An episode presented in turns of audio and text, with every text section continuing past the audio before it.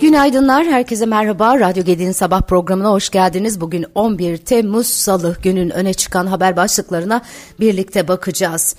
Evet, bugünün e, manşetlerinde Erdoğan'ın İsveç'in NATO üyeliğine karşı Türkiye'nin AB üyeliği teklifi e, yer alıyor. Ama bu teklif Avrupa tarafından bağlantısız bulunarak reddedildi. Cumhurbaşkanı Recep Tayyip Erdoğan, NATO devlet ve hükümet başkanları zirvesine katılmak üzere geldiği Litvanya'nın başkentinde NATO Genel Sekreteri Stoltenberg ve İsveç Başbakanı Kristersson'la görüştü. Stoltenberg görüşme sonrası yaptığı açıklamada Erdoğan'ın İsveç'in NATO'ya katılma teklifini meclise iletmeyi kabul ettiğini söyledi.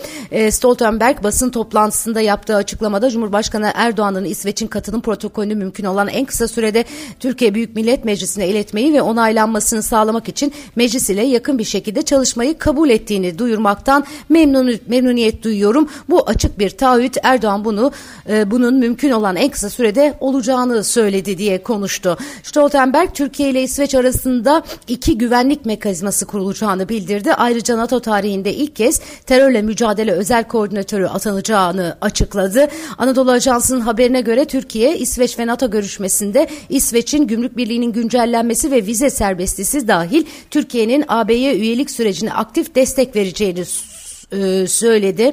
E, ayrıca İsveç'in terör örgütü YPG, PYD ve FETÖ'ye destek vermeyeceğini yinelediğini bildirdi. İsveç Başbakanı Kristersson da İsveç için güzel bir gün Türkiye ile işbirliği formatı olan yeni bir ikili güvenlik diyaloğu kuracağız ifadelerini kullandı. Evet, e, Cumhurbaşkanı Erdoğan e, e, Vilnius'a gitmeden önce Atatürk Havalimanı'nda önce gelin Türkiye'nin AB e, e, de önünü açın, biz de İsveç'in önünü açalım teklifini yapmıştı. AB komisyonu bu teklifi reddetti. Komisyon AB üyeliği ile NATO üyeliğinin iç içe geçtiği fikrini kabul etmeyerek iki sürecin ayrı olduğunu ve paralel ilerlediğini vurguladı. Avrupa Komisyonu Baş Sözcü Yardımcısı Dana Spinant iki süreci birbirine bağlayamazsınız dedi.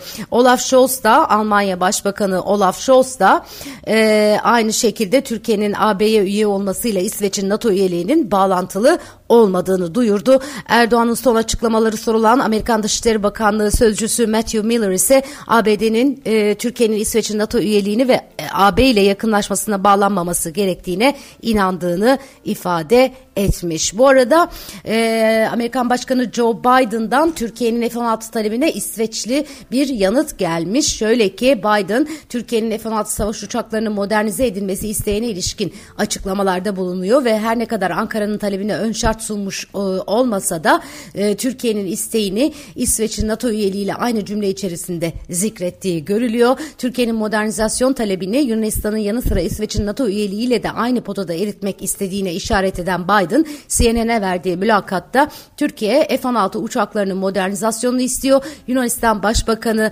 e, Mitsotakis de talepte bulunuyor. Açıkçası benim burada bir araya getirmeye çalıştığım şey hem Yunanistan hem de Türkiye'nin askeri e, kapasitesi açısından NATO'yu güçlendirdiğimiz ve İsveç'in de katılımına izin verdiğimiz bir konsorsiyum ifadelerini kullanmış Amerikan Başkanı sözlerini ama bu bir oyun henüz tamam ve henüz tamamlanmadı diye sürdürmüş.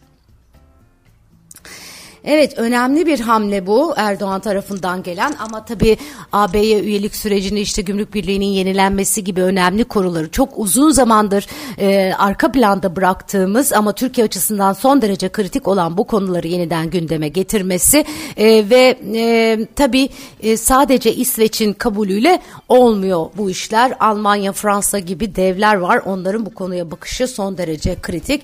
Bakalım ilerleyen günler bize ne gösteriyor olacak. Tabii bir tarafta da Rusya var. Rusya ve Avrupa arasındaki oyunu dengeli bir şekilde e, sürdürdüğü telaffuz ediliyor e, uluslararası ilişkiler camiasında Erdoğan'ın ama tabii e, gerçekten e, bunların bize bir faydası olacak mı? Hep birlikte göreceğiz. Cumhurbaşkanı Yardımcısı Cevdet Yılmaz, e, Hazine e, ve Maliye Bakanı Mehmet Şimşek ile çalışma ziyareti kapsamında gittiği Katar'da açıklamalarda bulunmuş. Demiş ki yeni dönemde ekonomi programımızın üç temel bileşeni olacak. Birincisi bütçe disiplininin yeniden tahsis edi tesis edilmesi, deprem hariç bütçe açıklarının AB standartları çerçevesinde şekillenmesi için gerekli tedbirler alınmıştır. Mali sürdürülebilirlik yolunda bu kararlılığımız devam edecek. İkincisi para politikasında fiyat, fiyat istikrarının sağlanması ve enflasyonun kontrol altına alınması. Para politikasını enflasyonu orta vadede kontrol altına almak için şekillendiriyoruz. Parasal sıkılaşmanın ilk adımlarını geçen ay attık. Para ve maliye politikalarına bütüncül bir bakış açısıyla Türkiye enflasyonu düşürmekte kararlıdır. Üçüncüsü Türkiye'nin kazanımlarını kalıcı hale getirmek için yapısal reformları da birer birer hayata geçiriyoruz. Eylül'de açıklayacağımız orta vadeli program kamuoyu için bir yol haritası ortaya koyacak kararlılığa sahip olacak demiş. Gerçekten son derece büyük önem taşıyor orta vadeli program ve herkes de oradan ne geleceğini merak ediyor. Dün sevgili hocam Profesör Doktor Sadi Uzunoğlu benimle birlikteydi ekonomi sohbetlerinde Gedik Ünü TV'de ve Radyo Gedik'te e, makro ekonomiye ilişkin çok önemli e, değerlendirmelerini paylaştı. Tavsiye ediyorum dinlemenizi özellikle seçimi e, kadar olan sürede yeni politikalar ne getirecek, e, nasıl şekillenecek, bizlere yansıması ne olacak ona dair önemli notları var değerli hocamın. Yılın ilk 6 ayı geride kalırken Türkiye ihracatı Ocak-Haziran dönemini %1,8 düşerek e, 123.3 milyar dolarla kapattı. Bu dönemde 27 alt sektörün 15'inde ihracat geçen yılın ilk 6 ayına göre gerilerken en büyük düşüş %39,2 ile çelik sektöründe yaşandı. En yüksek ihracat artışı ise %21,6 ile savunma ve havacılık sanayinde gerçekleşti gerçekleşti. İhracat pazarlarındaki düşük talebin ikinci yarı yılda da devam etmesi beklenirken kur belirsizliğinin sürmesi, asgari ücrete ara zamla işçilik maliyetlerinin artması, iç piyasada ekonomiyi soğutma adımlarının peş peşe gelmesi ihracatçılar için ikinci yarıyı kritik hale getirdi. Öte yandan Ticaret Bakanı Ömer Bolat, Exim Bank'ın sermayesinin 20.8 milyar TL'ye çıkarıldığını belirterek ihracatçılar kaygı duymasın finansman imkanları açılıyor diye konuştu konuştu. Bolat ihracatçılara 70 milyar lira ek kaynak sağlanacağını da duyurdu. Evet ihracat demişken Gedik Kaynak bir kez daha ihracat şampiyonu oldu. Ee, bu da son derece önemli bir gelişme. Ee, İdmib'in e, yaptığı araştırma 2022 ihracat verilerine göre Gedik Kaynak kaynak sektöründe bu yılda birinci olarak seçildi. E, son birkaç yıldır bu tablo böyle e, birinciliğini rakiplerine kaptırmıyor Gedik Kaynak. Tüm Gedik Kaynak ailesini bu vesileyle buradan e, ben de tebrik ediyorum. Evet kaldığımız yerden devam edelim. Dün işsizlik rakamları açıklandı. Türkiye'de işsizlik e, tek haneye indi sevgili arkadaşlar. Evet. TÜİK tarafından yapılan açıklamada hane halkı iş gücü araştırması sonuçlarına göre 15 ve daha yukarı yaştaki kişilerde işsiz sayısının 2023 yılı Mayıs ayında bir önceki aya göre 193 bin azalarak 3 milyon 328 bin kişi olduğu belirtildi. İşsizlik oranı ise 0,5 puan azalarak %9,5 seviyesinde gerçekleşti. Önceki aya ait e, veri %10,2 düzeyindeydi. İşsizlik oranı erkeklerde %7,7 iken kadınlarda %13 olarak tahmin tahmin edildi. İstihdam edilenlerin sayısı 2023 yılı Mayıs ayında bir önceki aya göre 63 bin kişi artarak 31 milyon 716 bin kişi istihdam oranı ise değişim göstermeyerek yüzde 48 buçuk oldu. Bu oran erkeklerde yüzde 66 kadınlarda yüzde 31,4 olarak gerçekleşti. Maalesef kadın istihdamında hala gerideyiz. Bu rakamlar her ne kadar işte Türkiye'de işsizlik rakamının e, neden sonra tek haneye düştüğünü gösterse de iş gücüne katılım oranlarında hala sıkıntılar olduğunu da bilmeniz gerekiyor. 6 Şubat depremlerinin ardından çadır ve gıda satışı yapan Kızılay'ın yeni genel başkanı Fatma Meriç Yılmaz oldu. Yılmaz 12 Mayıs tarihinde istifa eden Kerem Kınık'ın yerine vekaleten bu görevi yürütüyordu. Kahramanmaraş merkezli 6 Şubat depreminde hükümet acil durumlarda uluslararası kuruluş ve ülkelerden yardım çağrılarını kapsayan en yüksek acil durum olan 4. seviye alarm ilan etmişti. Eski Kızılay Başkanı Kınık'ın ise bu koşullarda deprem bölgesindeki insanlara çadır sattığı ortaya çıkmış ve kamuoyunun tepkisine yol, açmış, yol açmıştı. Kınık Kızılay'ın şirket kurduğunu hatırlatarak satışların normal olduğunu söylemişti. Toplumsal tepki sonucu bürokratlar da Kerem Kınık'ı istifaya davet etmiş fakat Kınık 14 Mayıs seçimlerine iki gün kala istifa etmişti.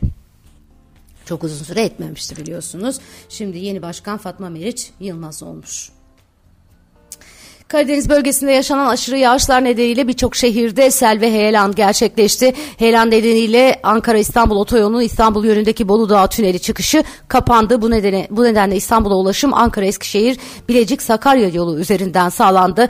Aynı şekilde Zonguldak-İstanbul yolu da aşırı yağış nedeniyle kapandı. Aşırı yağışlardan etkilenen bölgelerde yüzlerce iş makinesiyle çalışmalar hala devam ediyor. AFAD aşırı yağmur nedeniyle 15 il için turuncu 15 il için ise ise sarı kodlu uyarı yapmış. Yağışların e, bu geceye dek devam etmesi bekleniyor. Özellikle Doğu Karadeniz'de sel riski devam ediyor. Çarşambadan itibaren yurt genelinde hava sıcaklıkları mevsim normallerinin üzerine çıkacak. Özellikle cuma ve cumartesi günleri yurt genelinde sıcaklıkların 35 ila 45 derece arasında olacağı söyleniyor sevgili arkadaşlar çok dikkatli olmak lazım. Özellikle rahatsızlıkları olanlar hafta sonu mümkün mertebe serin bir yerlerde e, kalmalı e, diye düşünüyorum. Evet bugün yurt içinde yakından izlenecek en önemli ekonomi gündemi Mayıs ayına ilişkin cari denge sonuçları olacak. Cari işlemler hesabının Mayıs'ta 7 milyar dolar açık verdiği tahmin ediliyor. Nisan'da aylık bazda 5,4 milyar dolar olarak gerçekleşen cari açık yıllık bazda 57,8 milyar dolara ulaşmış ve son 12 yılın en yüksek düzeyine yükselmişti. Bugün ayrıca TÜİK inşaat maliyet endeksi verilerini açıklayacak. İnşaat maliyetleri Nisan ayında aylık %1,03 yıllık %53 artış gösterdi.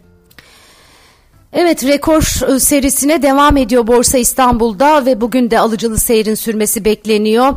E, dünkü e, Vilnius'taki üçlü zirve sonrası vadeli işlemlerde artış dikkat çekerken diplomatik tarafta yapıcı görüşmeler ve haber akışı ile endekste yeni zirvelerin test edilebileceği düşünülüyor. Kurda 26 seviyesinin üzerinde yatay seyir devam ediyor. Dolar bu sabah 26,08 seviyelerinde. Yurt dışı veri ajandasında ise Almanya'dan gelecek ZÜ ekonomik beklenti endeksi önemli öne çıkıyor. Amerika'da yarın açıklanacak kritik enflasyon verisi öncesi tüketici beklentileri anketi sonuçları açıklandı. Ülkede kısa vadeli enflasyon beklentisi 2 yılın en düşük seviyesine gerilemiş durumda. Evet bugünün notları özetle böyle güzel bir gün diliyorum herkese. Yarın sabah yine aynı saatte Radyo Gedik'te buluşmak üzere. Hoşçakalın.